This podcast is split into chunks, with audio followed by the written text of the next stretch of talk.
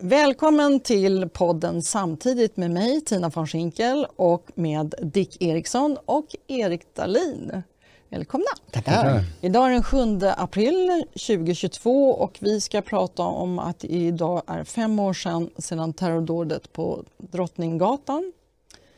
Vi har upplevt demonstranter som har klistrat fast sig på vägbanan. Handlar det här om vanlig aktivism eller allvarlig samhällsfara? Och är Centerpartiet nästa parti under riksdagsspärren? Och så kära Annika Strandhäll som nu lockar med godsaker för att få kommunen att bygga fler vindkraftverk. Och Stockholms stad har sålt en herrgård till Islamisk stiftelse. Men vi börjar med att det var fem år sedan idag sedan terrordådet på Drottninggatan. Ja. Ja, jag kommer ihåg det var eh, varmare väder då än vad det är nu kan man säga här i Stockholm. Eh, jag var ju hemma då eh, och, hörde att det hade hänt någonting så jag tänkte jag, jag tar en promenad.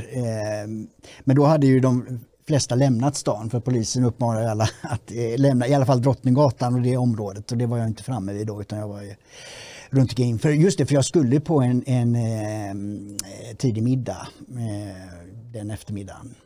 Um, mm, jag tror alla vi minns vad vi gjorde mm, den dagen. Det, mm. Det... Fruktansvärt hemskt var det. Jag, jag, jobbade faktiskt ganska nära där så att jag minns också att det var ett, man förstod ingenting vad som hade hänt den första tiden. Man bara hörde alla blåljus. Mm. Mm. Erik, Erik, vad gjorde du? Nej, jag var hemma men min fru var och hämtade ut eh, glasögon Eh, i närheten. Och jag hade inte reflekterat över det. Jag visste att de skulle till stan och till en speciell affär för att det var de som hade rätt, vad det var, bågar eller vad det nu var. Så en affär som man aldrig går till annars. Eh, och så ringde hon mig eh, och eh, hon var alldeles skärrad och jag hade ju läst om vad som hade hänt. Eller det, man hade liksom de första nyheterna att ja, det var terrordåd men man visste inte hur många döda det var och sådär. Eh, och så sa det, ja, jag var, ju, jag var ju där för 20 minuter sedan. Eller vad det nu var. Så att det, då blev det så här, oj, ja, då, då, då, kom, då kommer det väldigt nära eh, helt plötsligt. Men ja, lite mera principiellt kring det här då. Eh, det, man har ju vidtagit en del åtgärder men, men eh, det går väldigt, väldigt långsamt för politikerna. Alltså huvudfrågan här att, att en person som vistas illegalt i Sverige inte ska få vara kvar i Sverige. Det, det, det är ju så självklart. Man lyckades eh, utvisa den här eh, Magdalena Anderssons städerska. Då, då gick det, det fort. Det gick fort ja. mm. eh, antar att det gick fort för att annars så, man vill inte ha kvar den under valrörelsen, den frågan. Och, Men, nej, och att hon skulle kunna ställa upp på intervjuer i media under valrörelsen. då vill inte sossarna ha den personen kvar i Sverige. Riks kanske får åka till Colombia Just det, och, på utrikesreportage. Mm. Det kanske kan vara värt det. Mm. Um, nej, förlåt, vi, avbröt jag dig? Nej, nej, nej alltså, jag, jag tänkte säga det. Akilov eh, som dömdes för detta var i Sverige illegalt, han hade utvisningsbeslut eh, och, och han var efterlyst. Va? Idag skulle det kunna hända igen. Mm. Det finns tiotusentals personer som är i Sverige illegalt och inte har rätt att vara i landet. Så det, i, på det basala planet är, har den socialdemokratiska regeringen och Morgan Johansson inte gjort ett skvatt mm. för att förbättra säkerhetsläget i Sverige. Nej, ingen vet ju hur många det är som är här illegalt. Nej. Inte någon. Nej, och då, då, kan man fråga sig så här, ja, men, är det större risk att en, en person som vistas här illegalt begår eh, ett hemskt dåd än någon som inte befinner sig här illegalt? Det, det är en frågeställning som man ändå måste lyfta. Eh, och jag vill nog ändå säga att ja, det är det. För att dels om en person växer upp i Sverige, då har vi hela den här apparaten med socialtjänsten och, och förskola, mm. skola. Eh, det är klart att folk kan gå under radarn och speciellt nu, vi, hade ju, mm. vi tog upp det i första avsnittet eh, med dig Tina, om jag minns rätt, eh, det här skoldådet. Eh, att skolan har ju tappat disciplinen och, och därför tror vi då att, eller jag i alla fall, att, att fler går under radarn. Eh, men, ehm, eh, eller inte bara gå under radarn utan också eh, tillåts eh, eh, ja, agera ut. Man, man liksom boxar inte in de här personerna på rätt sätt. Men i alla fall, kommer man utifrån, då har vi noll koll. Mm absolut noll koll. Precis, mm. och, och, jag skulle vilja betrakta den, det här eh, knivdådet på Ikea i Västerås också som ett terrordåd. Och det var ju också samma skäl som man tycker sig kunna se, alltså både Akilov och, och den här eh, personen på, eh, som, som attackerade en eh, äldre kvinna och hennes vuxna son och, och, och skar halsen av dem, gjorde det som hämnd. Mm. För att Akilov skulle som sagt utvisas så att eh, han eh, var ju inte eh, ja, välkommen i Sverige helt enkelt. Så att han attackerade svenska folket då genom den här, med den här lastbilen. Och den här, eh, jag kommer inte ihåg var han var ifrån i, där i Västerås. Jag tror öst, östra Afrika i alla fall. Ja, just det, precis, precis. Och han gick ju direkt från mötet med eh, migrationshandläggaren till Ikea och eh, plockade till sig en kniv och, och skar halsen av de som såg mest svenska ut. Mm. Så det var ju ett rasistdåd också. Och, men den som påpekade det då blev ju i, i Dagens Nyheter anklagad för att vara just det när man talar om vad det är som har hänt. Va? För då, då det, vilket år var det? Det var 25 eller var det, det var ju tidigare i alla fall än 2017 nu. Och då var det fortfarande så att man fick inte prata om kriminalitet bland de som inte är svenskar. Mm. Och vad som hände efter det var ju att Ikea låste in knivarna. Det var ungefär det enda som hände. Mm. Eller hur? Mm, det, var ju det, det är så ständigt. Mm. Så det är ju en, det, det är ju en, en, en eh, ökad risk att eh, dels släppa in folk då i Sverige och så sen då ha en lång prövning av, av, asyl och så får de avslag och då sätts de inte i förvar utan de släpps ut mm. och kan då begå eh, brott som hämnd mot Sverige. Liksom. Ja, men det är ju så att samhället anpassar sig efter den här hotbilden mm. hela tiden. Mm. Så de här lejonen som fanns på Drottninggatan de har ju mm. blivit större ja. Eh, och som jag sa då Ikea har ju då börjat låsa in sina knivar mm. istället för att politikerna tar tag i problemet och faktiskt gör någonting. Ja, men det där är ju en effekt mm. av migrationspolitiken som inte diskuteras så, så ofta att eh, Sverige blir ju ett allt mer slutet samhälle för att vi måste skydda oss mot, eh, därför att vi tar hit människor som har en helt annan våldsbenägenhet än vad svenska folket har. Ja, man undrar också vilket tvärsnitt, vi, vi får, får vi ett tvärsnitt av Uzbekistan när vi då eh, släpper in, det är det, han var från Uzbekistan, va? Eh, Akilov. Eh, och de kommer hit illegalt eh, med vår tysta, vårt tysta medgivande eller Socialdemokraternas ja, tysta exakt. medgivande. ja. Och några andra partier till. Ja, precis. Miljöpartiet. Eh, det var ut, där har de ett uttryckligt medgivande. Mm. Eh, men i alla fall, eh, är det ett tvärsnitt av Uzbekistans befolkning vi får eller kan det vara så att vi får en viss typ av personer?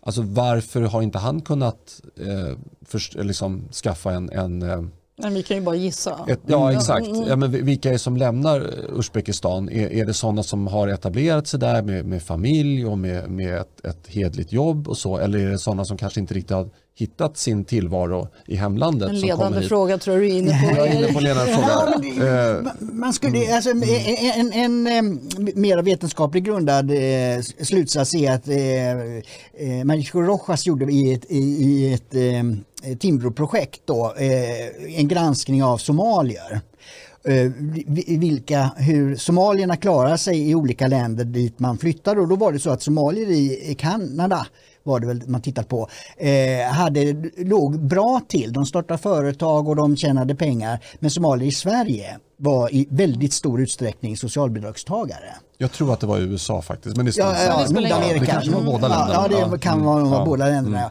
Eh, liksom, så att, men det fanns ju man, slutsats där ja, också. Ja. Ja. Ja, men om jag minns rätt så var ju slutsatsen den att det var inte så att att eh, amerikanerna var duktigare på att ta hand om somaliska invandring utan det var faktiskt vad jag förstod att det var en högre nivå på de som utvandrade till Amerika än vad det har varit än de som kommer till Sverige. Så enkelt tror jag det var faktiskt. Mm. Jo, att, alltså, det var de som var, började skola där. Alltså man, om man sätter sig in i, i, någon som tycker att det egna landet där man är uppväxt inte fungerar längre, Uzbekistan eller Somalia och så lämnar det då, då beror det på vad har jag själv för bild av vad jag vill för någonting. Och de då som vill starta företag och, och eh, tjäna pengar och bli produktiv, de stack till Nordamerika. Men de som ville bli försörjda, de åkte till Sverige. De hade helt olika ambitioner. Ja, ambition, mm. så ambitionsnivån avgör ju också vilket land man söker sig till. Mm. Det är väl kanske ett svar. Ja. Ja, jo, Jag jo, tror men- också det är ett bra svar Dick. Mm. Ja, och ens att det är möjligt att, att ta sig in till Sverige. Jag vet inte om, om uzbeker har någon annan möjlighet i Europa. Det kanske de har, men eh, eh, Eh, det är ju eh, det är så här. Det är ju, vi har demokrati i Sverige och vi, vi, man måste bara vara klar på det att det här är ett beslut som svenska folket har varit fullt medveten om för att man har vetat sedan 1975 i princip vilken typ av, av migrationspolitik som Socialdemokraterna vill föra. Det har varit helt öppet men man har fortsatt att rösta på partiet. Jag håller inte med dig. Nej, men alltså, här, här, för att Sverigedemokraternas framväxt beror ju på att väljarna inte har haft något alternativ. Jag- Innan Sverigedemokraterna Ja, men kom. jag har också varit lurad. Fast jag har inte röstat Jo, på so- exakt. Socialdemokraterna. Nej, men, nej, Men, alltså, vi, ja. har, vi har ju trott att eh, alliansregeringen var mera restriktiv Mm. men det har ju visat sig att det var ju tvärtom med, med, med Fredrik Reinfeldt som, som eh, gick Miljöpartiets ärenden och, och öppnade ännu mer än vad Göran Persson gjorde.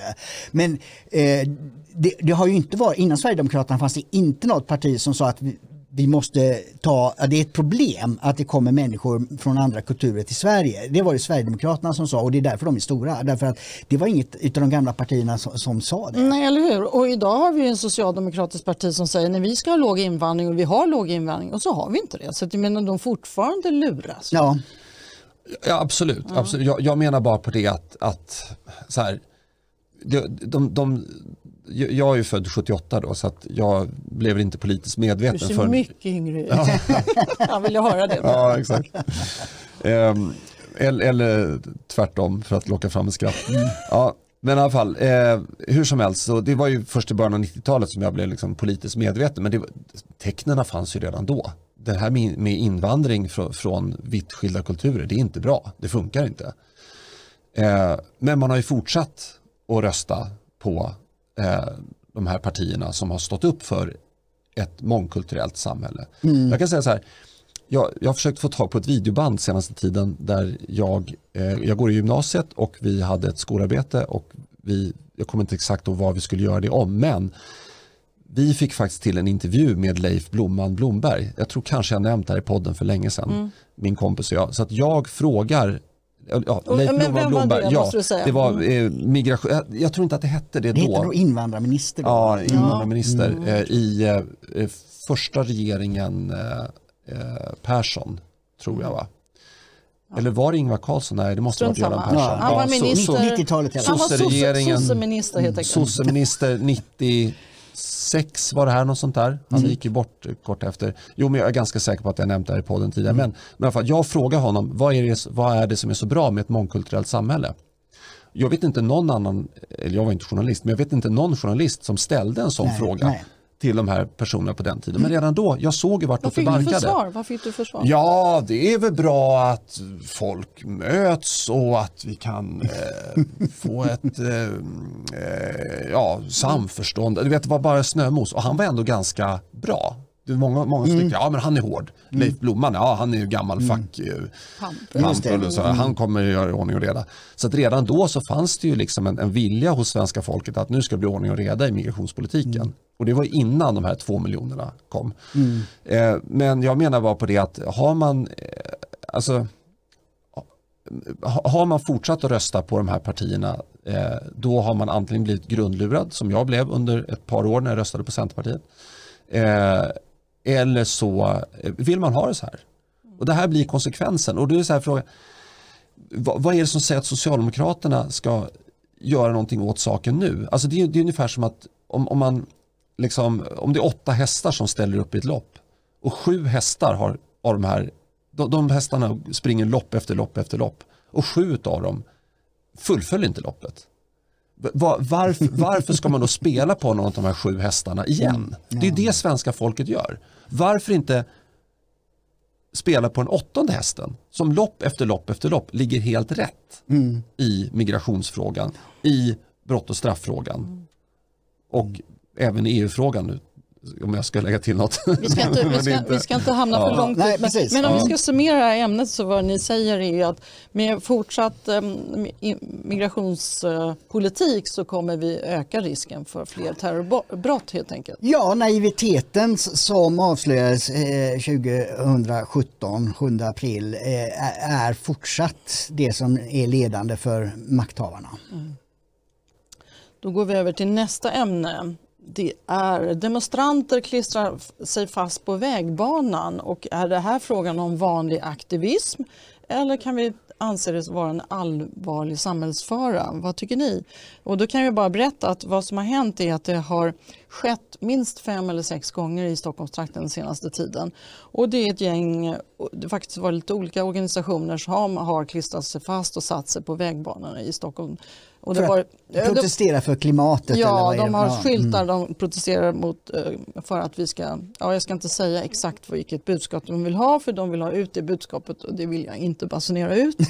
Eh, Men det är en klimat eller miljöaktivistgrupp och Mm. eh, då sätter de sig 10-20 personer rakt över stora tra- trafikleder i Stockholm, det Ja, var just på det. broar och sådär.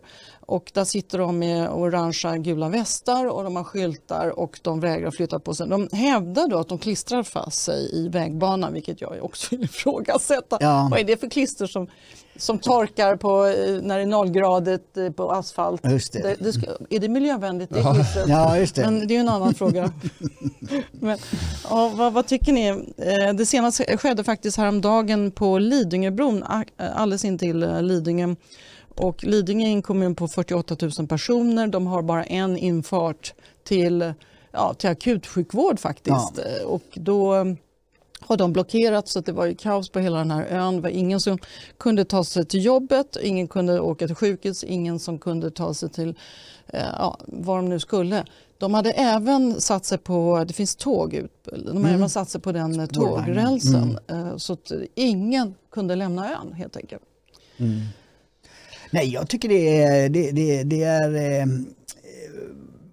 vad, vad ska man kalla det? Alltså det, det är en, eh, ett sabotage mot, mot eh, samhället för, för vanliga människor. Alltså, ja, som du nämnde där, att kunna komma till sjukhuset är ju en, en, en viktig eh, ehm, åtgärd. Att, att, att eh, den vägen ska vara öppen så att säga. Att, att protestera politiskt får man ju göra men det får man ju då göra med, med plakat och stå eh, utanför någonstans där, där man har fått tillstånd att, eh, att stå. Inte att blockera alla andra människor i deras vardag. Men det är ju, man gör ju detta därför att man är narcissistisk. Alltså man, man, man eh, blåser upp sin egen betydelse och sitt eget, sin egen agenda till någonting som är viktigare än all, alla andra människors liv.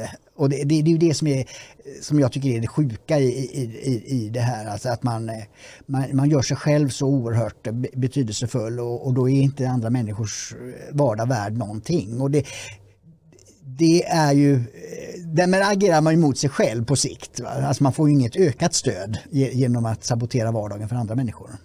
Nej, jag- precis den tanken slog mig. De, Mm. de sitter ju där och agerar för de anser att det här är livsviktigt. Ja. Men andras liv, det Mm. verkar inte särskilt viktigt utan det är ju den, den saken som de förespråkar som är Mm. livsviktig.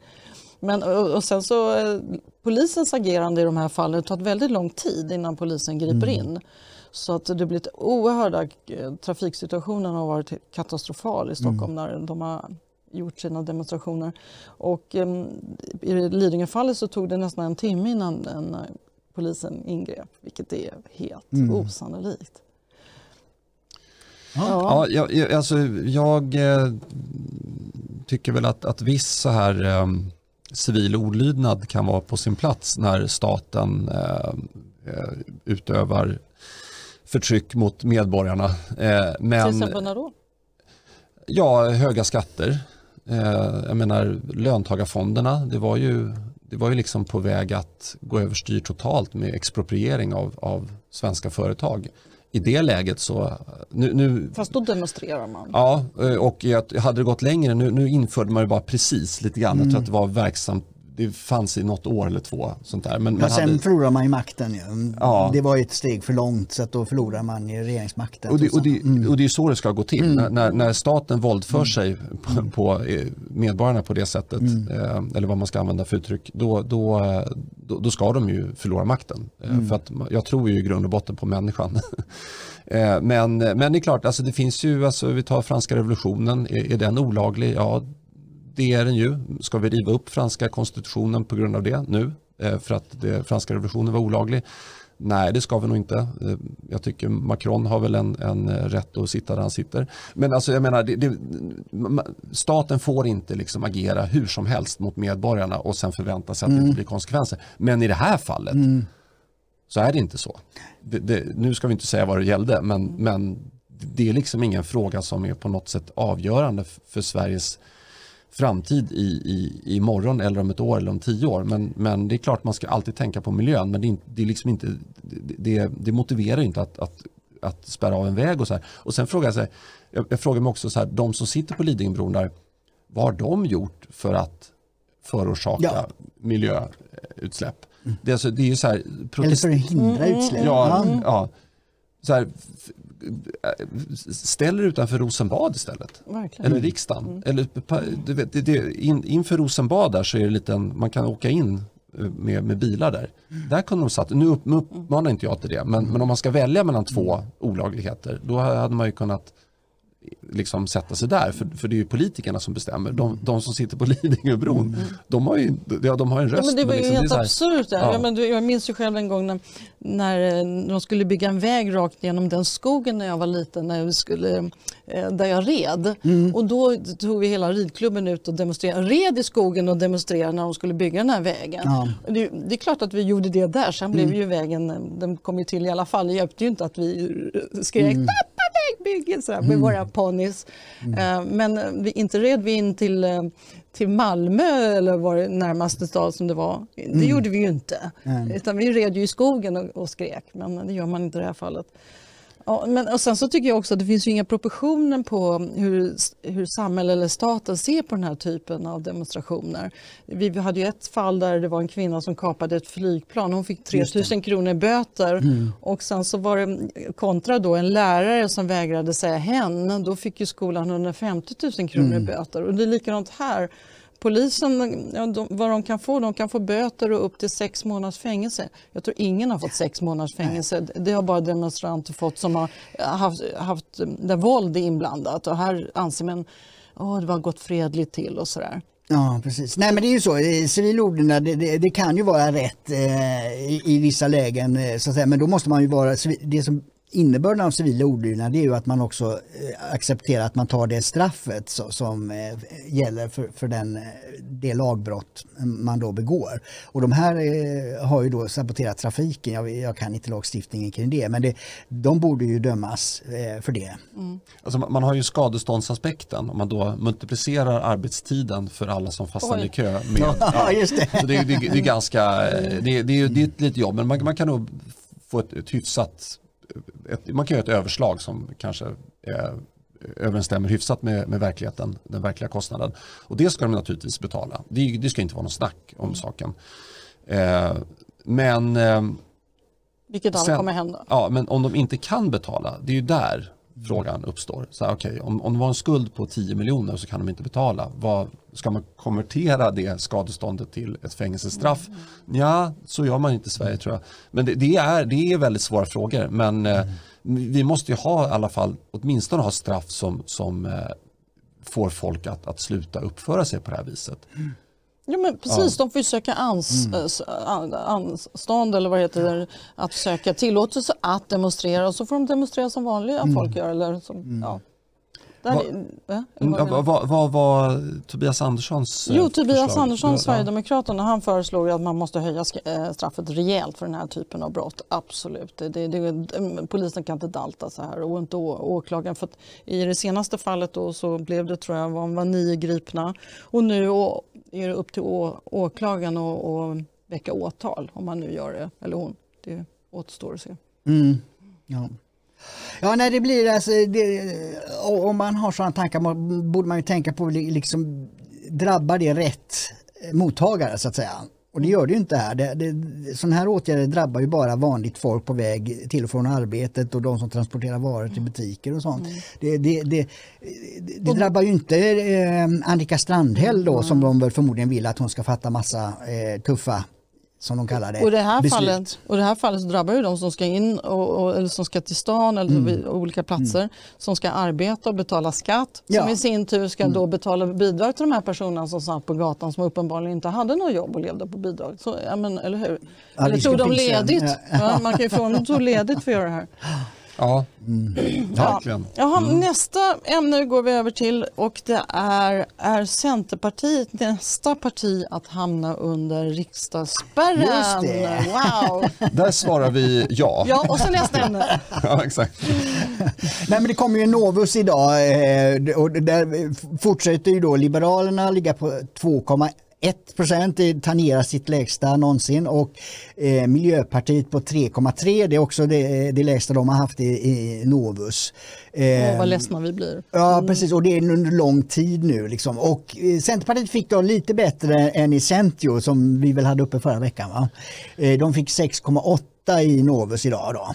Men 4,3 utav Centio förra veckan. Ja, frågan är om vi har med den förra Nej, veckan. Nej, det kanske inte gjorde det. Nej. Precis. Nej, men så Centerpartiet drabbas ju i Centio som ju har mer utav eh, webbpaneler medan Novus har ju lite mera mm. utav det traditionella då, eh, vad heter det, slumpmässigt urval av, av tillfrågade så att säga. Så det är väl lite större eh, statistisk säkerhet i, i eh, Novus siffror. Men det är ju en nedgång framgång för, för eh, Centerpartiet. Så att säga. De, mm. de låg på, Och vad beror det på tror du Dick? Ja, dels så tror jag det beror faktiskt på att eh, Socialdemokraterna har ökat. Eh, Sossarna har ökat på grund av det här eh, Rysslands krig i Ukraina. Och, men de har inte tagit av oppositionen. För i Novus går oppositionen fram tillsammans, alltså Moderaterna, Sverigedemokraterna, Kristdemokraterna eh, går fram några, det är väldigt små tal, med några tiondelar går oppositionen fram. Så att mm. sossarna, när de har, i och för sig sossarna låg still nu i Novus men de ligger på en hög nivå. Eh, sen tidigare, eh, förra mätningen gick de ju fram flera procentenheter. De har ju eh, tagit det av sina stödpartier. Så, så det är en kannibalism in, inom eh, de rödgröna där, där Vänsterpartiet minskade mest nu här i, tror jag det var i Novus här då och Centerpartiet eh, och, och, Miljöpartiet som sagt ligger väldigt lågt. Va? Så att eh, sossarna så det kan man ju fundera på. Är det bra att sossarna går upp och eh, puttar ner eh, sina samarbetspartier under 4% Ja men det är nog bra egentligen. Det är nog bra. Det blir svårare och svårare för dem att hitta samarbetspartner desto ja, mindre precis. de blir. De, de, kommer aldrig klara sig utan någon samarbetspartner. Mm. Eller vad säger Erik? Tittar stora på mig. Ja precis. Eh, nej, men jag, jag, tänkte på den här frågan vad, vad det här beror på. Eh, och jag tror att eh, men det är väl en, en det är väl liksom en, en eh, långtidsfaktor av att hon har ställt ut, Annie Lööf har ställt ut en massa löften som inte har infriats och man har släppt fram socialdemokratiska regeringar inte bara en gång utan två, en tredje gång. Mm. Eh, och förklaringen till det är lite oklar, eh, milt uttryckt. Eh, så där tror jag vi har en långsiktig faktor och även det här att okay, men vad har Centerpartiet fått igenom eh, i, i politiskt. Då? Ja, värnskatten är en sak men jag tror att den som la sin, som är borgerlig och som la sin röst på Centerpartiet förra gången eh, kanske inte känner att de har riktigt fått valuta för den rösten. Nej, det blev en socialdemokratisk röst. Ja, mm. ja så det, det, är nog den här långsiktiga faktorn. Men sen på kort sikt, ja det var det vi tog upp förra veckan med eh, Eh, arbetsmiljöproblemen inom Centerpartiet och toppstyrning och att mm. man inte fick ifrågasätta den breda mitten och, och det här. Eh, och att det har skett en, en eh, väldig massa avhopp nu av, av ganska namnkunniga människor. Anders W Jonsson och Emil Källström, Källström mm. tack. Ekonomisk politisk talesperson och lite grann av en eh, påläggskalv mm. eh, för den absoluta toppen. Eh, sånt tror jag också påverkar väljarna. Att man tänker, jaha, vad är det här? Man, man, får liksom ingen schysst bild av partiet. Att det är liksom ett, ett parti på dekis. Lite grann. Folk hoppar av och sådär. Eh, och, och sen bara sista grejen som jag ska nämna också att det här med arbetsmiljöproblemen det har ju nu utmynnat i att Arbetsmiljöverket ska göra platsbesök hos Centerpartiet. Så det är jätteroligt. Det är roligt ja. ja. Precis, på grund av inre samarbetsproblem. Och, det, och det, det, det, är ju absolut fel tidpunkt för ett parti att ha det nu, några månader innan valrörelsen. Det, så, så, det är verkligen en, en krisfaktor eh, att, att eh, och, och, eh, att man hamnar i den situationen. Och, och, jag tror precis att det beror på det här att man gick till val på att man är en del av, av de borgerliga partierna och så, sen så blir man ett stödparti till sossarna.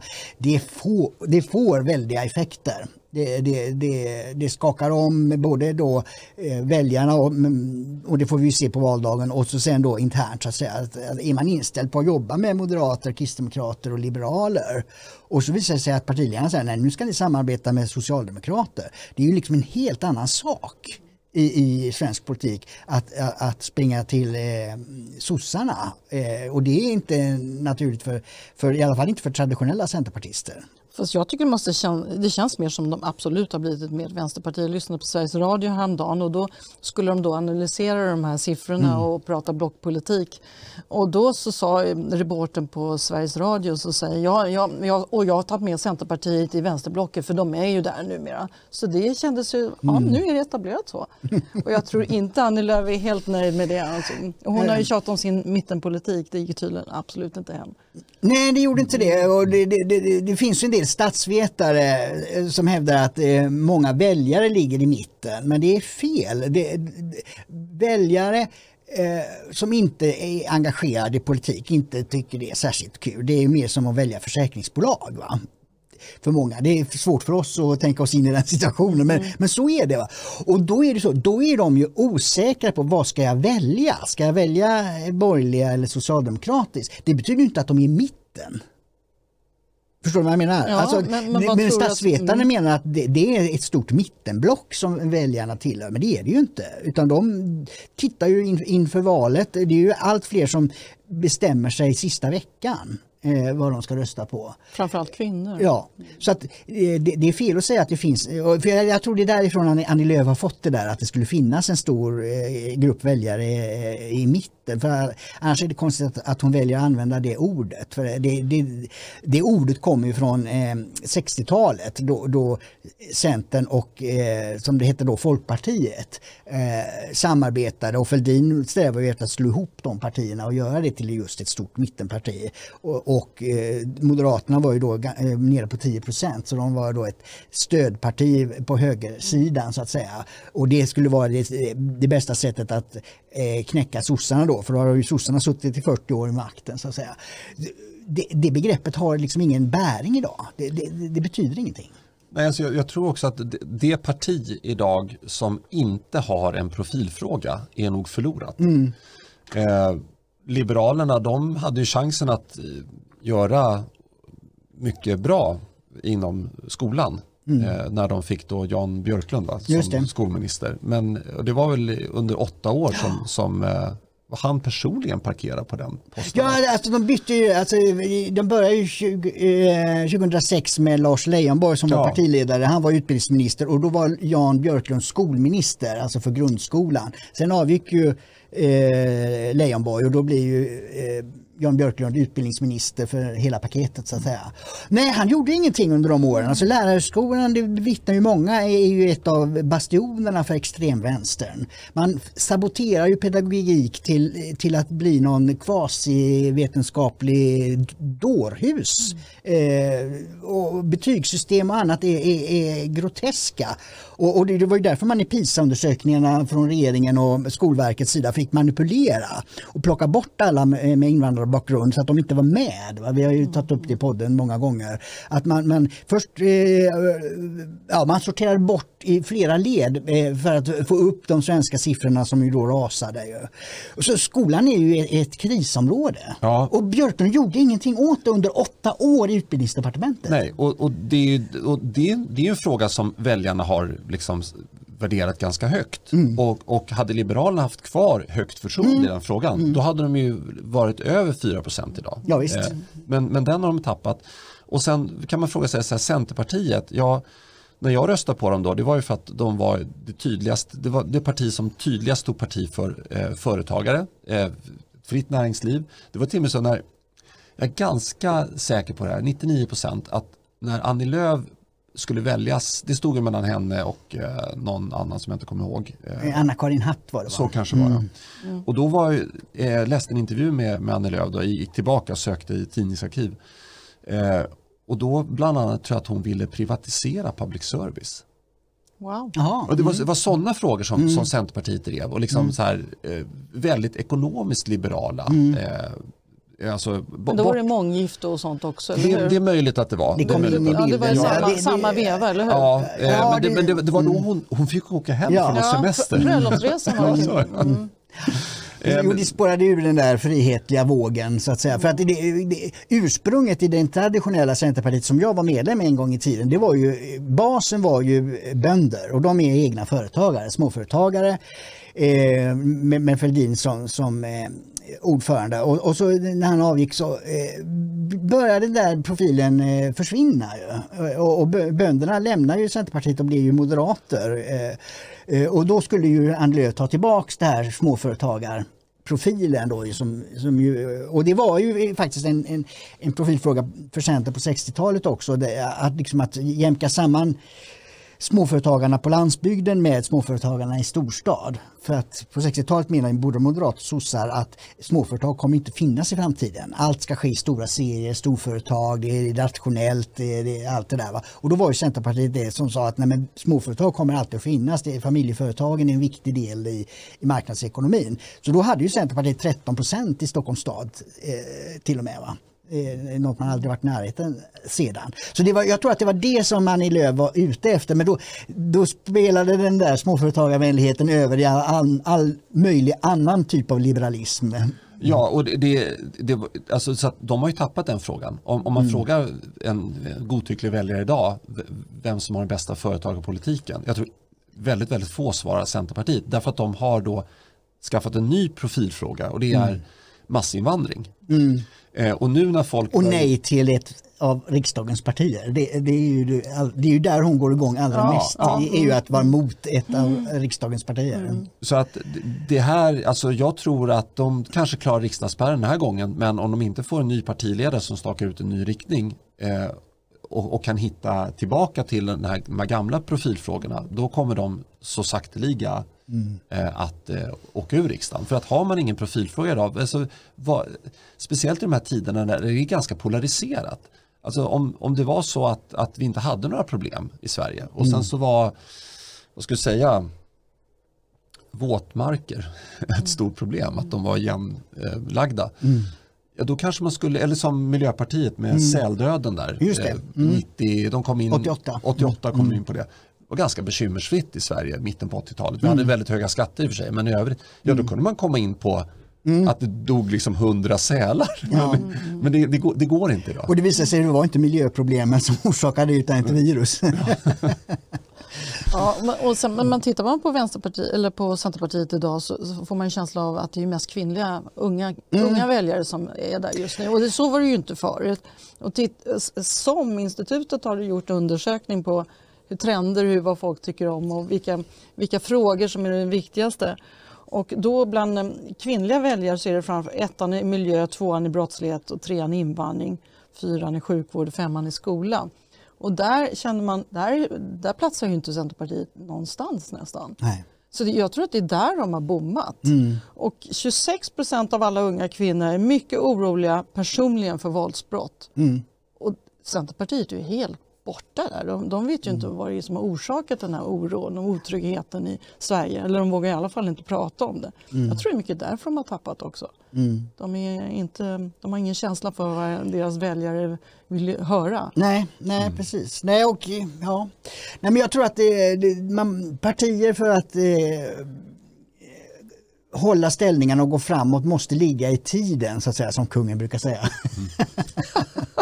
Mm. liksom man, eh, eh när jag har tittat på det, och eh, nu har jag 40 års perspektiv, liksom att eh, alla pratar om kampanjer och, och, och eh, ja, strategiska val, taktiska val och så vidare. Men jag upplever att i grunden så handlar det om vilken, vilken anda och vilken känsla det finns i befolkningen av vilka frågor som är viktiga. Mm. Och utifrån det avgör man sen hur man ska rösta. Och det är därför Sverigedemokraterna har vuxit fram. Man, man har legat rätt i, i vad folk efterfrågar, så precis som du nämnde där. Mm. Man är, är orolig över säkerhet och så vidare. Och det här är ju en effekt av den politik som de gamla partierna har fört. Så att säga. Och då, blir, då kommer det in en, en eh, kontrauppfattning så att säga och det, det är så demokrati ska fungera. Men den viktigaste frågan bland män och kvinnor överlag, absolut viktigaste som SOM-institutet hittade, det var ju brottsligheten. Ja.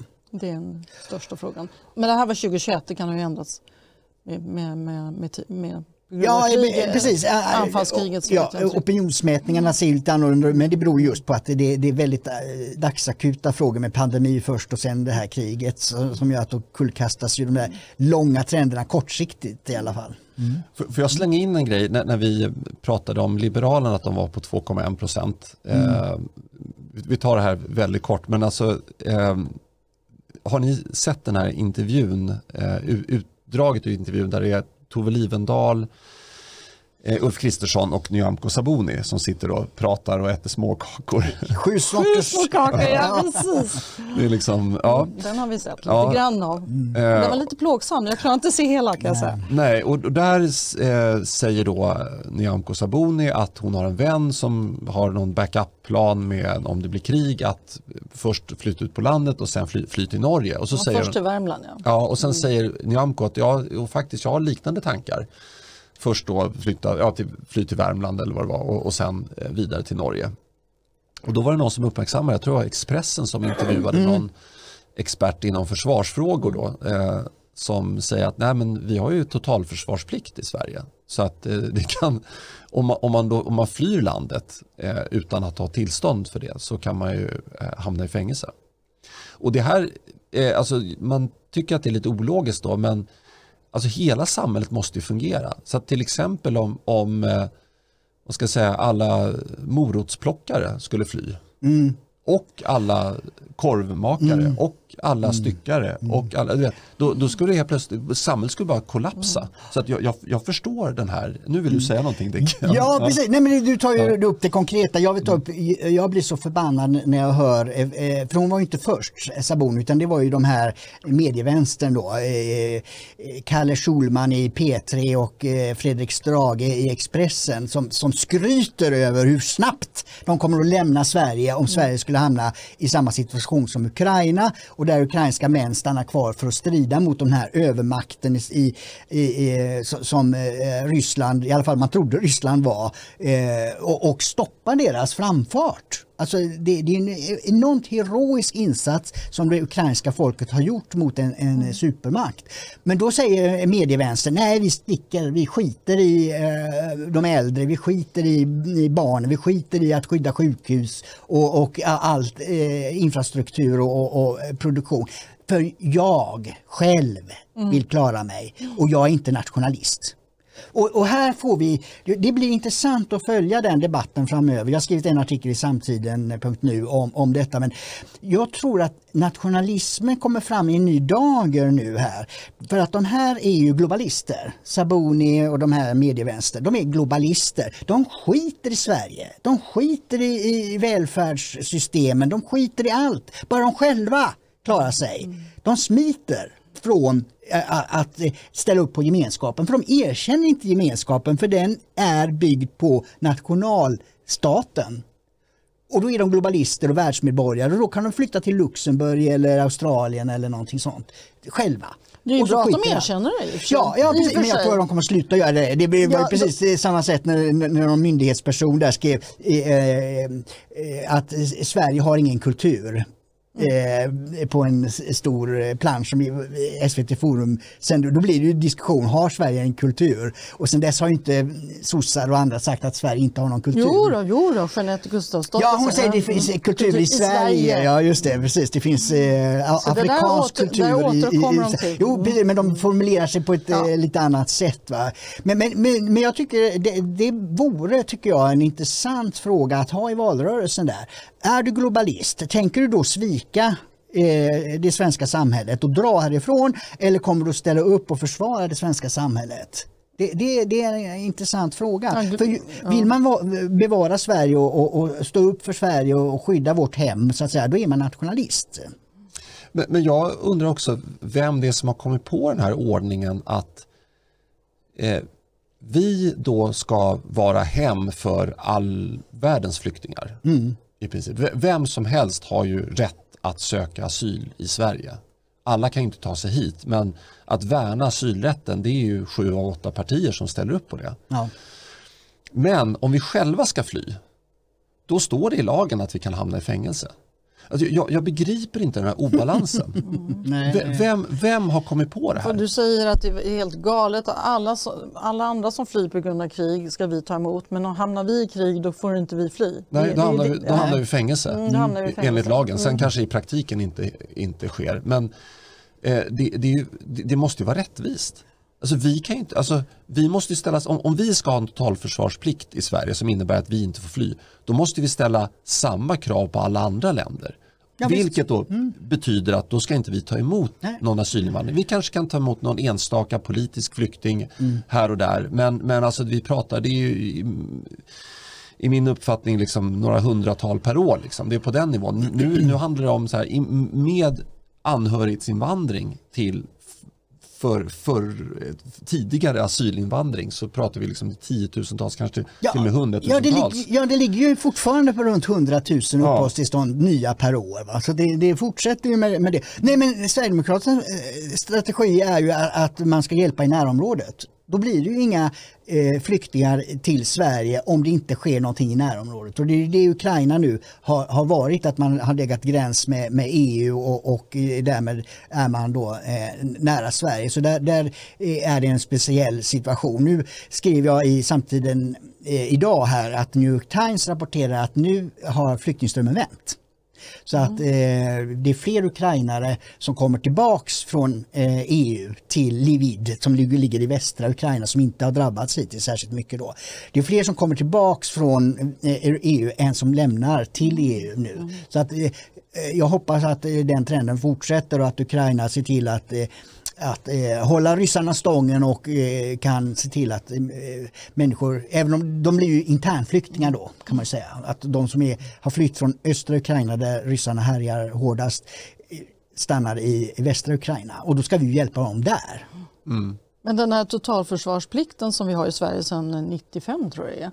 Jag undrar hur många av de här 650 000 nya medborgare som vi har beviljat under senaste tiden, undrar om de är medvetna om det? Att alla är skyldiga att stanna kvar och försvara landet. Jag, jag undrar om de har fått den informationen. Vad tror ni?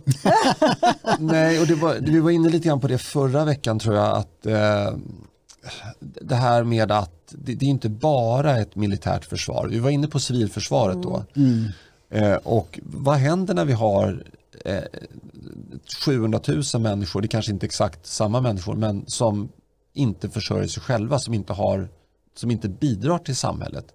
Alltså om man, man går tillbaka till ett gammalt bondesamhälle, alltså även den sämst utbildade eller, eller den med sämst förmåga kunde liksom gå och rycka upp morötter. Nu tog jag det exemplet igen med morötter.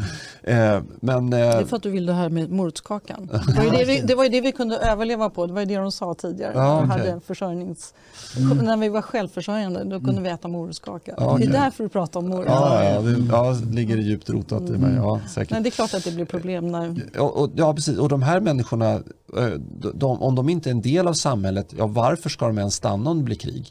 Ska de, ska de stanna och leva på socialbidrag? Men det är, ju, alltså, de, de, de, var ska de hoppa in? Var, var ska de hjälpa till? De, de, de tillför ingenting till samhället. Nej. Nej, gru- Ja. Grunden är ju eh, att eh, Olof Palme gjorde ju det till en rättighet att vara i Sverige och en rättighet att bli försörjd i Sverige. Rättighet, rättighet, rättighet. Aldrig någon skyldighet. Och det som ställs på sin spets, det är också en sak som ställs på sin spets nu med, med eh, krig i vårt närområde. Det är att man har förbannade skyldigheter som medborgare i det här landet. Och det, jag håller med dig Tina, där, där, egentligen borde man ju sätta fart på det där och kalla in eh, folk nu, eh, och i synnerhet då de som lever på socialbidrag, till eh, totalförsvaret och hjälpa till med sånt som behövs. Det, alltså det, det skulle, tycker jag en, en ny regering borde göra. Använda den. Kraven, ja. Okej. Och alla, alla vinner ju på det. Så Ja. Jag förstår inte varför det finns en broms kring det. Nej, men det är ju så förfärligt att ställa krav på människor. Jo, men det, är så här, det- här är människor som, alltså du vet, när det blev eh, första covid-vågen då, då hade man ju problem att få eh, folk i Sverige som kunde typ, jag tror att det var att plocka kol. Så att de här, och, eh, så de här 700 000 människorna som inte försörjer sig själva, och jag vet inte, oklar, vad, vad, Siffran. det, ja, det är oklart vad de gör om dag, dagarna. De kanske limmar fast sig på en motorväg, man vet aldrig. Eh, men men eh, hur ska de kunna bidra till totalförsvar om de inte ens kan plocka kol? Vad, vad, liksom, vad, vad, vad ska de bidra med? Så det, det, är, nog, det är en väldigt vacker tanke Dick, men jag, tror att det, Men det är en, rele, det är en re, relevant tanke just när vi befinner oss eh, under ett hot kan vi Ja. Varför tittar inte ett, eh, försvaret på detta eller framförallt myndigheter och börjar plocka in folk och Ja. prata, ställa frågan. Vad, Ja. vad, vad kan det bidra till ifall Sverige blir attackerat? Precis. Mm. Jo, vi måste landet- åter... Det är ju det som det, den konservativa tanken är att det måste vara en balans mellan rättigheter och skyldigheter. Att Mm. eh, har man eh, rättigheter till eh, olika förmåner och, och eh, man, man ska ju bli skyddad med, eh, på gator och torg från övergrepp och så, då måste man också ställa upp på skyldigheterna. Det är, in- och inte bara betala skatt då, utan också st- ställa upp för det land man lever i. Och ämnet var ju då om Centerpartiet Mm. Ja. hamnar under 4 spärren så vi hamnar lite långt bort. Ja. Men vi kan, om vi summerar bara det lite snabbt och säga att eh, det är väl stor anledning till att Centerpartiet har tappat just att vi pratar just om de här frågorna. De har tappat så mycket i opinionen. För Mm. Ja, att de de har har ingenting att missat. säga i det vi har sagt just nu, Nej, det sista. nej. Eller vad anser du? Nej men det, det är rätt. Jag skulle bara säga till mitt försvar så, så eh, pratade vi om det här med Liberalerna innan, och, eller Nyamko. Eh, och vi, skulle, vi hade ju förra det var veckan så hade, vi, ja, så hade vi så här kortnyheter. Så att vi får se. Vi har inte riktigt landat i programform Det jag tycker det men, var eh, roligt. Ja. Eh, Och över till nästa spännande ämne. Det är att Stockholms stad har sålt en 1800-tals herrgård i Bromma till en islamisk stiftelse som tidigare hette Islamiska stiftelsen i Sverige och strax före köpet så döpte de om sig till stift, eh, Tunastiftelsen.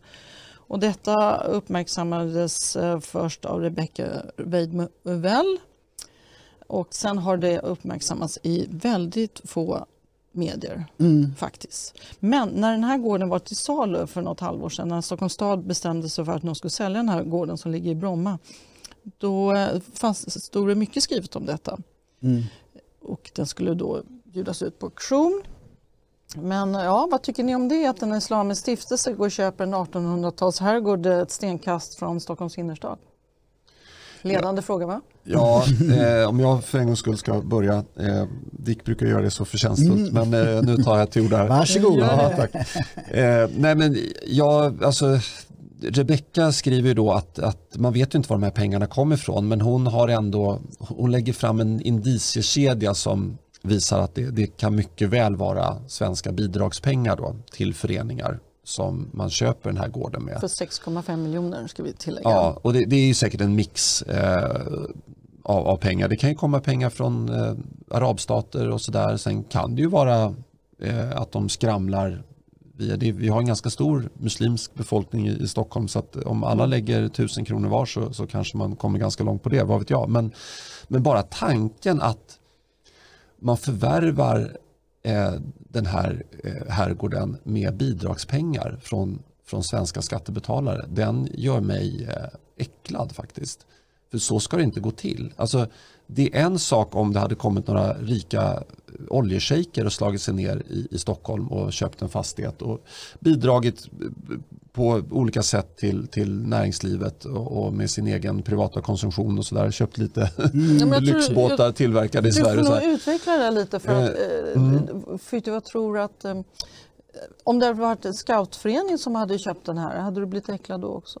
Eh, Det, det, vad jag förstår på dig så är det väl mer att den här föreningen kanske inte är, eller organisationen vad vi ska kalla den, att den inte är särskilt eh, demokratiskt eller står för jämställdhet eller, och sådana ja, ord som vi är vana vid att tycka Exakt, om. Och, det, det, det är ju en väldigt viktig aspekt. Alltså, ehm, jag brukar säga, jag säger som, som Magdalena Andersson sa, jag vill att Sverige ska bli mer som Sverige. Mer Svensson va? ja, jag, tror att det var, jag tror rubriken i Dagens Nyheter var att jag vill att Sverige ska bli mer som Sverige. Och, och, det är klart att det är ju skillnad på förening och förening. Och det här är en förening som gör Sverige mindre som Sverige. En scoutförening gör ju varken eller så att säga. Det är, det det är väl en am amerikansk mm. förening från början så det kanske är någon, jag, jag kanske är offer Så det har ingenting med religionen att göra eller hur? Utan det är snarare den mm. kulturella aspekten som du är ute efter? Eh, ja, jag tycker inte att skattemedel ska gå till att liksom flytta fram eh, islams positioner i Sverige. Det tycker jag inte. Scouterna har aldrig någonsin i historien visat sig vara, utgöra något hot mot stater. Medan vi kan ju se i Mellanöstern hur, hur mm. det ser ut. Eh, och det, det, är inte scouterna som lever över det där. Så att säga. Nej, precis. Alltså, jag tycker det, det är en principiell fråga här. Alltså, vissa länder som Thailand, där får ju inga eh, utländska medborgare köpa fastigheter överhuvudtaget. Eh, jo, byggnader men inte mark. Nej, alltså ja, mm. jag, jag kan inte lagstiftningen exakt mm. men, men eh, de, de jag känner som har det, de, de har köpt det som bostadsrätter ungefär. Just det, just det. Eh, som, som styrs ändå av thailändare. Så att säga. Och, och, och, jag tycker det är en rimlig hållning. Varför ska utlänningar komma och, och, och ta, roffa åt sig mark i, i det egna landet? Jag, jag, jag, jag, tycker det, jag tycker det är i så fall borde det ske på någon sorts, mm, med någon sorts prövning för att det, det uppstår ju problem. Här är det ju en typ av problem. Jag, när du nämnde oljeshejker så kommer jag att tänka på att i London så har ju eh, just eh, oljeshejker och annat köpt upp väldigt mycket av centrala eh, bostäder i centrala London så att eh, engelsmän inte har råd att köpa bostäder i centrala London. Eh, då kan man säga, inte ens gång bor också. Så det är nej, och de, bo, nej, de, bo, eh, exakt, de bor inte där heller utan de ser det mer som en eh, investering och sen när de är i London så, så bor de i den lägenheten. Men, men liksom 360 av 365 dagar om året står det tomt. Mm. Och det gör att de områdena förfaller ju på ett sätt då när det inte rör sig några människor som bor där. Eh, och, och, varför ska det vara så? Ja, mark, enligt marknaden, det här följer ju marknadens princip då, den som betalar mest eh, får det den begär. Men jag tycker att det finns eh, gränser att sätta upp för vad som ska ske enligt marknaden. Alltså det, det, eh, det, det är så diktaturer eh, diktatorer, eh, system, eh, vad heter det, regimer eh, styr inte bara genom att ha pansarvagnar och militärt våld utan de styr också genom att vara mångmiljardärer. De roffar åt sig landets tillgångar och placerar dem i västvärlden. Därför västvärlden respekterar då genom marknaden äganderätten och har diktatorn sagt att de här miljarderna är mina, de placerar jag på banker i Europa så vet man att de är garanterade att få tillbaks de pengarna eftersom västvärlden lever efter marknadsekonomin. Men är det riktigt och rätt att låta dem skövla sitt eget land utan eh, att följa marknadens principer utan vara totalitära? Och så plockar de in pengarna och sätter de dem i västvärlden och gynnar sig själva. Alltså, jag tycker det finns en viss naivitet här i, i eh, hur västvärlden reagerar. Och där är ju den här eh, herrgården ett litet exempel på det då. Liksom att man borde nog kolla ner vad, vad, är syftet och vad är eh, effekten av att, att låta eh, andra kulturers eh, pengar flöda in och köpa det som är vårt. Jag ska bara tillägga här att nu är det så att de har inte köpt marken där den här nej, fastigheten nej, det, står det, på. Så, mm. Men det är snarare mer mm. en, en, en, tur, i, tur i olyckan. Höll jag på att säga. För att I Bromma är det väldigt vanligt att fastigheterna står på tomt som tillhör Stockholms stad. Ja, precis. Så men, det, men, det, var nog bara en ren tur. Ja, Annars men, hade de fått köpa fast eh, marken också. Precis, men det, det, det är ju, eh, det, det hade varit svårare att invända om, om herrgården hade varit eh, i privat ägo och en privat ägare hade sålt till den här stiftelsen, då, då, är det ju, då är det åt den marknaden som styr. Men här är det ju faktiskt politiker som har sålt till islamister. Och Stockholms stad har ägt den här fastigheten sedan 1908. Så det är en lång mm. tid och huset är dessutom K-märkt. Mm. Det ska bli intressant att se hur de hanterar det. Ja. Eh, men nu pågår en namninsamling eh, och eh, man försöker då överklaga det här beslutet till förvaltningsrätten. Så att vi får nog anledning att återkomma till det här. Men helt klart så är det upprörande, jag håller med både vad ni säger. Mm. Ja, ja eh, nej, men precis. Vi, vi, vi kan vi byter ämne. byta ämne där. Och då går vi till nästa byggnationer och det är Annika Strandhäll, vår kultur och miljöminister som nu ska locka kommuner med att bygga eh, fler vindkraftverk. Om de gör det så ska man då få ja, simhallar, idrottshallar och lite annat. Mm. Smått och gott. Ja. och det vill hon ju uppmuntra kommunerna till för att eh, det råder ju elbrist i Sverige.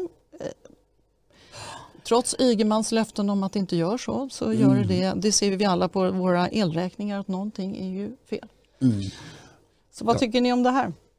Ja, alltså det här med, jag vet inte var jag ska börja. Nej, eller hur? man vet inte var man ska börja. Nej, mm. men jag kan tycka, om jag börjar så här då. När stat och kommun handlar upp olika tjänster så i vissa fall så lägger man ju in en aspekt om att man måste kunna liksom ha en, en fullgod samhällsservice. Jag tänker till exempel på skärgårdstrafiken, alltså skärgårdsbåtarna.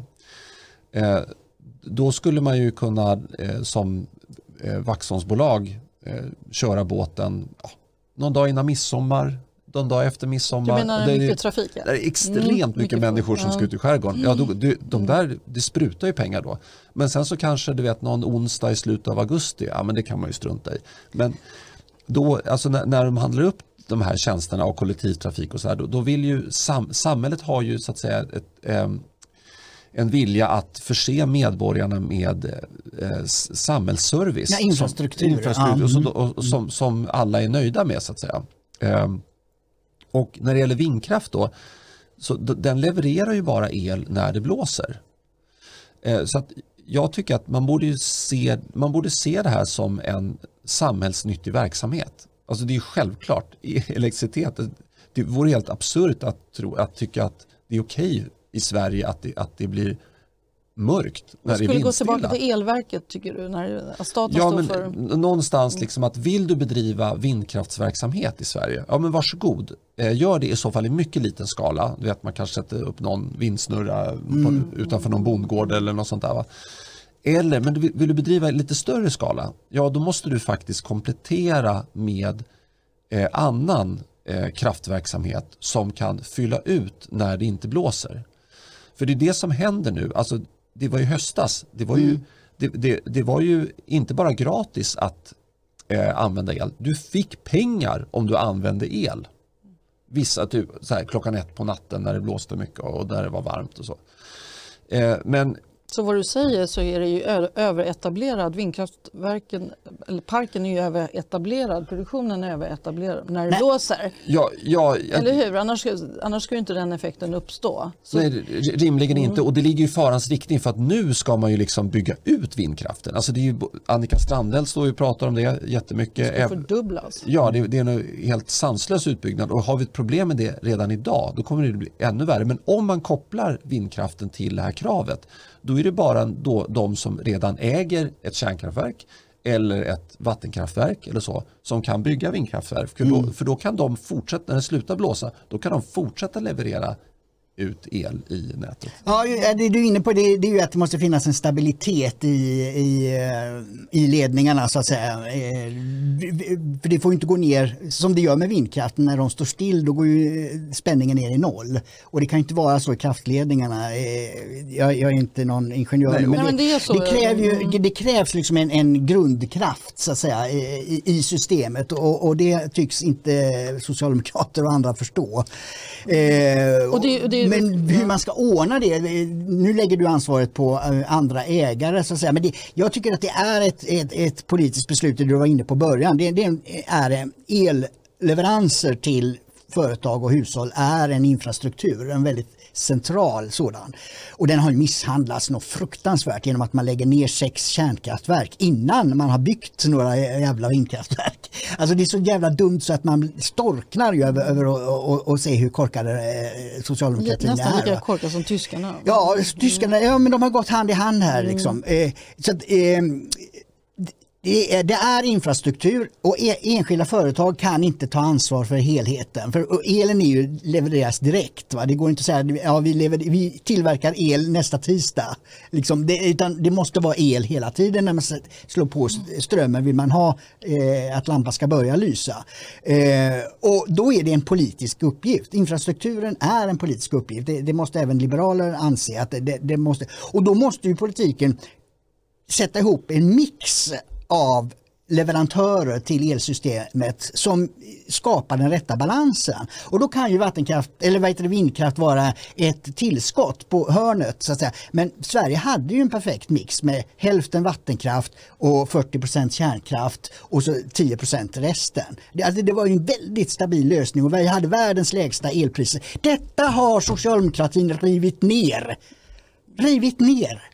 Vi hade till och med mer mm. el för 35 år sedan än vad vi har idag. Ja. Alltså, det är nästan politik, det visar, det, el, just det, el, mm. elhistoriken visar vi, den enorma inkompetensen mm. som vi har i, i den politikergeneration som styr nu. De fick ärva ett fullt fungerande eh, elsystem som dessutom var fossilfritt i, till stora delar. Och ändå river man ner det bara för att man har nojor om att nu ska vi ha vindkraft istället för kärnkraft. Alltså bara floskler, trams, jippon, eh, vad heter det, eh, symboler är, är, det som driver eh, de här ärthjärnorna. Och, och, inte ja. vad vi får ut i ledningen och att det blir till ett så lågt pris som möjligt. Och, och så det, det är liksom i den änden, jag vill gå i denna fråga då eftersom det är en infrastruktur, vill jag gå uppifrån och ner. Inte, du börjar ju nerifrån och upp så att säga. Nej, men jag, håller med, jag håller med dig. Och en annan aspekt som man inte pratar om eller som behöver lyftas fram. Vad de har gjort nu, de har ju stängt ner de här kärnkraftverken, mm. sex stycken. Bara under senast 2015 så är det fyra nedstängda. Mm. Och vad de då har gjort, då inser de att ja, vi har för lite el, vad gör vi? Ja, vi hinner ju inte bygga nya kärnkraftverk, vi hinner inte starta upp det för processtiden är enormt mm. lång. På grund, mycket på grund av lagstiftningen, mm. miljölagstiftningen. Så det finns inga andra alternativ att eh, tillgå än vindkraften. De har inga andra alternativ och det är därför de är så hysteriska ja, ja, kring det här. Precis. De har försatt sig i den här situationen själva. Ja, de finns ingen annan lösning för dem just nu. Och nu ska vi vara glada för att att Finland eh, har bygger en av, jag tror en av Europas största kärnkraftverk. Mm. Det ja, kanske de, räddar oss. Ja, de startar ett i januari. Ja, ju, ja men det är inte fullt mm. igång ännu. Nej, de har inte startat mm. upp hela. Mm. Så, och det, det är ju, vi kanske ska tacka vår lyckliga stjärna för det. Ja, men, men, men sen en annan aspekt som man inte, det är väldigt komplicerat här med el. Det är få som kan det och mm. politikerna kan inte heller. Man pratar mycket om terawatt och gigawatt och kilowatt mm. och man mixar siffror hit och dit. Folk blir ju väldigt liksom, osäkra vad är det som gäller. Ja. Så att det, på så sätt det vinner ju politikerna på såklart. För ingen riktigt vet ju vad det handlar om. Nej, du alltså, menar så ja. Precis. Ja, för det är komplext. Plus att det finns en annan aspekt som få pratar om att som du var inne på det här med att det måste finnas balans i elsystemet mm. och det måste finnas en viss kraft. Mm. Och när kärnkraften fanns då, då var den kraften stabil hela tiden mm. vilket gjorde att överföringskapaciteten ja. var, funkade. Ja. Men i och med att man, och då var det stora och få turbiner, nu har vi små och många turbiner med vindkraftverk, då blir effekten mindre på de här ledningarna. Och det är därför vi har fått det här problemet med överföringskapaciteten. Ja. Alla pratar ju om att det saknas ledningar, mm. men det är ju inte riktigt sant. Det var ju när de la ner Barsebäck jo, och, och ja, Oskarshamn men, och Ringhals vi fick de här problemen. Alltså, förra och förrförra generationens politiker mm. använde hjärnan. Mm. De såg det, vattenkraften finns i norr, då placerar vi kärnkraftverken i söder. Då behöver vi inte så förbannat många ledningar utan man har produktionen eh, i olika delar av landet. Ja, då lägger, när man lägger ner kärnkraften då finns ju bara vattenkraften i norr. Och det är det som skapar brist i ledningarna. Att det, effekten finns i norr och, och, det är därför priserna är som hutlösast i södra Sverige. Därför att det är ju längst transportsträcka och uh, man tappar ju mycket utav effekten av elen när man ska transportera i ledningar. Så det, är, det, det, det, det är korkat i varenda jävla ände. i energisystemet. Mm, jag, jag, tror att det ordet som ni båda letar efter var, är svängmassa. Jaha, ja, det är möjligt. Så, det, det är det och, och eh, man, man, måste... Vi vet inte ens vad ja. det heter, det är, så, det är så komplext. Ja, men det, det, är bara att gå in på Wikipedia, jag, jag gjorde en tweet om det här för ett tag sedan eh, och det, det, där står det liksom vilken mix man måste ha, eller hur mycket svängmassa man måste ha i ett, ett system och hur mycket svängmassa som kärnkraft bidrar med, jag tror att det var mest, sen vattenkraft mm. och, sen, och sen kommer liksom ingenting, ingenting och sen kommer vindkraft och solkraft och så här. Det, eh, och eh, det är klart att man kan ju driva om man är ute med segelbåt och vill ladda mobilen. Då kan man ju ha en, en solpanel och, mm. få det. Men ska man trycka in sol eller vindkraft i vårt befintliga elnät och, mm. och, få det att fungera som vi är vana vid. Man kan koppla in en hårtork till exempel, mm. var, var, man än bor. Då behöver man svängmassan mm. i elsystemet. Men jag tror så här att eh, det finns ett engelskt uttryck som heter eh, Money talks, bullshit walks. Mm. Eh, och eh, vi, vi, brukar ju ha en, sätta heder i att inte prata engelska i programmet mm. så att det är väl eh, eh ja, svåröversatt men det, jag tror det finns något liknande. Men, eh, men vad ska peng pengar göra här? Jo, jo men så här. Det, det, it's the economy stupid. alltså det är så här de här vindkraftverken, fler och fler rapporter kommer nu eh, där, som tyder på att de inte är lönsamma. Mm. Eh, och det kommer inte att gå att upprätthålla det här systemet om det går med förlust år efter år efter år efter år. Bara senaste veckan så eh, tog Henrik Jönsson upp det här i sin eh, podd eller, eller YouTube-kanal. Eh, han gick igenom då alla vindkraftbolag som eh, har byggt vindkraft mellan åren 2017 och 2019. Mm. Och eh, vissa visar vinst på pappret. Men när han gräver lite grann om de här siffrorna, han har tagit hjälp någon, av någon också, någon ekonom, så visar det sig att eh, inget bolag går med vinst. Och hur kan man då skapa vinst ur tomma intet? Ja, det kan ju vara så att man, så att man bygger en vindkraftverk för, eller vindkraftpark för låt säga 50 miljoner. Eh, och så gör man någon kalkyl på den och säger att ja, men här, vi säljer el för x antal miljoner per år och sen så har vi eh, en kalkylränta på det. Eh, säg att man säljer el eh, för eh, 2,5 miljon per år och så har man kalkylränta på 2 procent. Ja, då blir det, fasen tror jag dumma siffror här. Men säg att de här 50 miljonerna då mm. kan värderas till 70 ja då har man helt plötsligt en vinst på 20. Man har byggt för 50 och sen så värderar man det till 70. Mm. Och då kan man, om det här ägs av en stor koncern, då kan man trycka upp de här 20 upp i moderbolaget. Alltså det hamnar ju där på koncernredovisningen. Och har man då massa vindkraftparker, det kan ju bli väldigt mycket inom citationstecken då vinst. Det är bara det att den här vinsten, den, är inte, den finns inte. Det är luft ja. Det är luft. Mm. mm. Och det visar sig då, eh, som Rebecca Weidmo gick igenom eh, lite senare i veckan, att eh, man har gravt underskattat underhållskostnaderna. Mm. Så att man, man, man då trycker upp en vinst eh, när det är färdigbyggt och klart. Men sen går då stor del av intäkterna till att underhålla mm. de här mm. vindkraftverken. Eh, och det, här, det kom en rapport för två år sedan som, som var gjord av någon, någon vindkraftförening. Eh, och det, det, var då man konstaterade att det var många nystartade bolag som stod på ruinens brant just på grund av oväntat höga drift och underhållskostnader. Mm. Men, men får jag avbryta det här ja. säga, det är självklart att de här bolagen, som många, tyvärr många ägs av, även av kinesiska Just det, intressenter, ja. Framförallt utländska bolagsägare är det.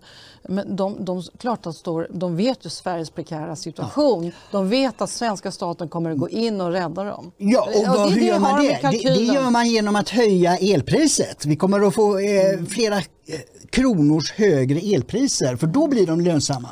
Det är så Annika Strandhäll har tänkt. För det är inte politikerna som betalar det här. Elsystemet, de här bristerna, den här oerhört korkade upplägget. Det är vi som elkonsumenter som kommer få betala hela jävla notan. Men det är klart det. det är självklart att... Därför kommer de här vindkraftverken kanske att, att bli lönsamma när man höjer kilowattpriset till 10-15 kronor ja, Men, men det här det är ett väldigt komplext system då så att när, när det finns liten efterfrågan mm. eh, och stort utbud då blir priset lågt. Det är när det blåser ja. Ja, det är när det blåser mm. och när det är sommar. Ja, just det.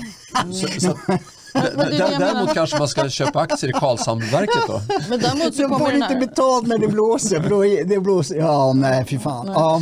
Och Annika Strandhäll själv, hon bor i en kommun utanför Stockholm.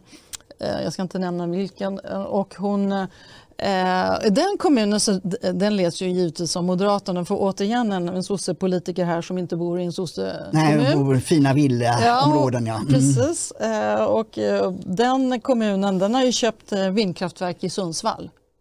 ja. Istället för att bygga Ja, nu planerar de faktiskt att bygga Sveriges största vindkraftverkspark utanför, ute i havet, fem mil utanför Sandhamn. Där de ska bygga, vad var det, över förstöra skärgården. Ja.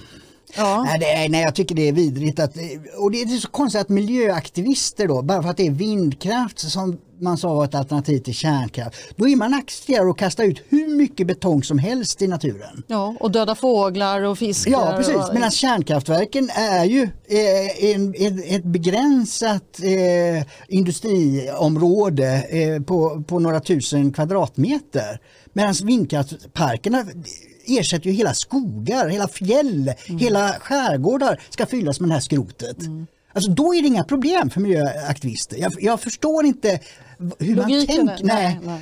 Det, det, nej men det, vi måste nämna det som är, är, är huvudskälet till att det bromsar den här vindkraftsexpansionen ändå bromsar. För jag tror att det kommer bli som etanolen. Kommer du ihåg det? Ja. För ett antal år sedan. Etanol skulle ersätta allt och bensinmackar var tvungna att gräva ner etanoltankar och det- vilket gjorde att många små försvann ju på landsbygden. Ja, va, hur många använder etanol idag? Ingen. Nej, det kommer bli likadant med den här skiten. Det är, det är, det, de, de siffrorna du tog upp, det visar, för mig som ekonom, så här, det här är bedrägeri. Alltså det som låter bra när man säljer in det och det står eh, glansigt och klart och färdigbyggt och, och de som har eh, eh, sålt in det har fått sina pengar. Sen ska du driva det, då går allt åt helvete. Det, är precis, det här är ett stort jävla bedrägeri alltihopa. Man kan ju hoppas att det är kineserna som får betala då. Men det, det, det, det, det allvarliga här och det som ändå bromsar i opinionen, det är villaägare. Villaägar, eh, Villaägarnas förbund eller vad det heter eh, gick, kom ut för ett tag som en rapport som visar att eh, villor inom synhåll från vindkraftsparker eh, får sitt värde halverat. Och det är de som riskerar att se sitt, eh, sin fastighet eh, förlora halva värdet. Det är de som sätter press på kommunerna, sina små kommuner uppe i Norrland och andra ställen där det här är Ja, och de ska inte få att ersättning, Inte, nej. att in, nej, det är självklart. Medborgarna, de ska väl inte ersättas. Utan det, nej, det är så, så de sätter ju press på sina lokalpolitiker och därför är det ju även eh, partier som nu eh, säger nej till vindkraftparker, Därför att villaägarna vill inte eh, förlora halva eh, sin ekonomi. Va? Men, men då, då, de kan ju gå, kanske gå och bada gratis då. Ja, just det. Strandhäll får igenom sin eh, här. Mutkampanj, att eh, ja. hon skulle förse kommunerna med simhallar. den enda trösten i den här eh, inkompetenta politiken, Mm. vilket det är, det handlar bara om inkompetens, det är ju att det faktiskt går att plocka bort vindkraftverken den dagen när man, hittar, när man kommer på att kärnkraft är Men vem ska betala den saneringen? Det gör inte vindkraftsföretagen kan jag tala om. Nej, den har, det Ja, det, det, det tog hon eh, Rebecka Weidmo upp också. Och, och det är ju så Att- att, att eh, ja, att det är vindkraftbolagen som är eh, skyldiga att eh, plocka ner. Ja, men om de har gått i Ja, konkurs exakt, så har exakt. de inga pengar. Så att, Nej, och då, då, då landar det på markägarna. Ja, exakt. på marken. Ja, och, och om det är någon bonde då som har hyrt ut mark som i sin tur går i konkurs för att det, det blir ju en nettokostnad. Vissa grejer, det är, metall kan ju återvinnas, det kan man få betalt för. Men, Men delar av den här går ju inte att återvinna, det vet man ju. Det har ju också varit ett problem. Ja, så ne- nettokostnaden att plocka ner ett godtyckligt vindkraftverk, eh, en, en enda pinne så att säga med, med snurra, eh, det är 700 000. Så att jag menar, har man då 20 stycken på sin tomt, eh, då, då blir det pengar. Och då i, i slutändan så landar det hos kommunen då, om även bonden går i Då konkurs. tar vi 700 000 kronor gånger 8 eller 9, 10 000 vindkraftverk som nu ska planera. Det kan vara en Och de ska bli allt, ja, de Det blir bli, så många nollor, nollor så att, ja, och det ska, ju- de ska bli allt större. De ska bli 300 meter höga ju, så då räcker nog inte 700 000 tror jag. Men i alla fall, det, det är också typiskt för bedrägeri att det, det, det eh, går vidare i nästa led och nästa led och nästa led. Alla blir drabbade va? När, när ett bedrä- bedrägeri har fullbordats. Så som man håller på med nu då. ja, svenskarna vill ju ha det här. Socialdemokraterna går ju upp i oppositionen så att eh, ja, Ja, vi får se. Väljarna har ju eh, en chans att, rösta. Det är ju tydligt vilka partier som är mer tveksamma till vindkraft och vilka som driver på. Mm. Där har man ju en anledning att eh, tänka över vad man röstar på. Vi får anledning att återkomma i ämnet tror jag. Ja. Tror ni? Ja, ja det, det tror jag också. Jag tror vi tackar för idag ja, och önskar alla, alla en trevlig vecka. Just det, det gör vi. Tack. Hej då.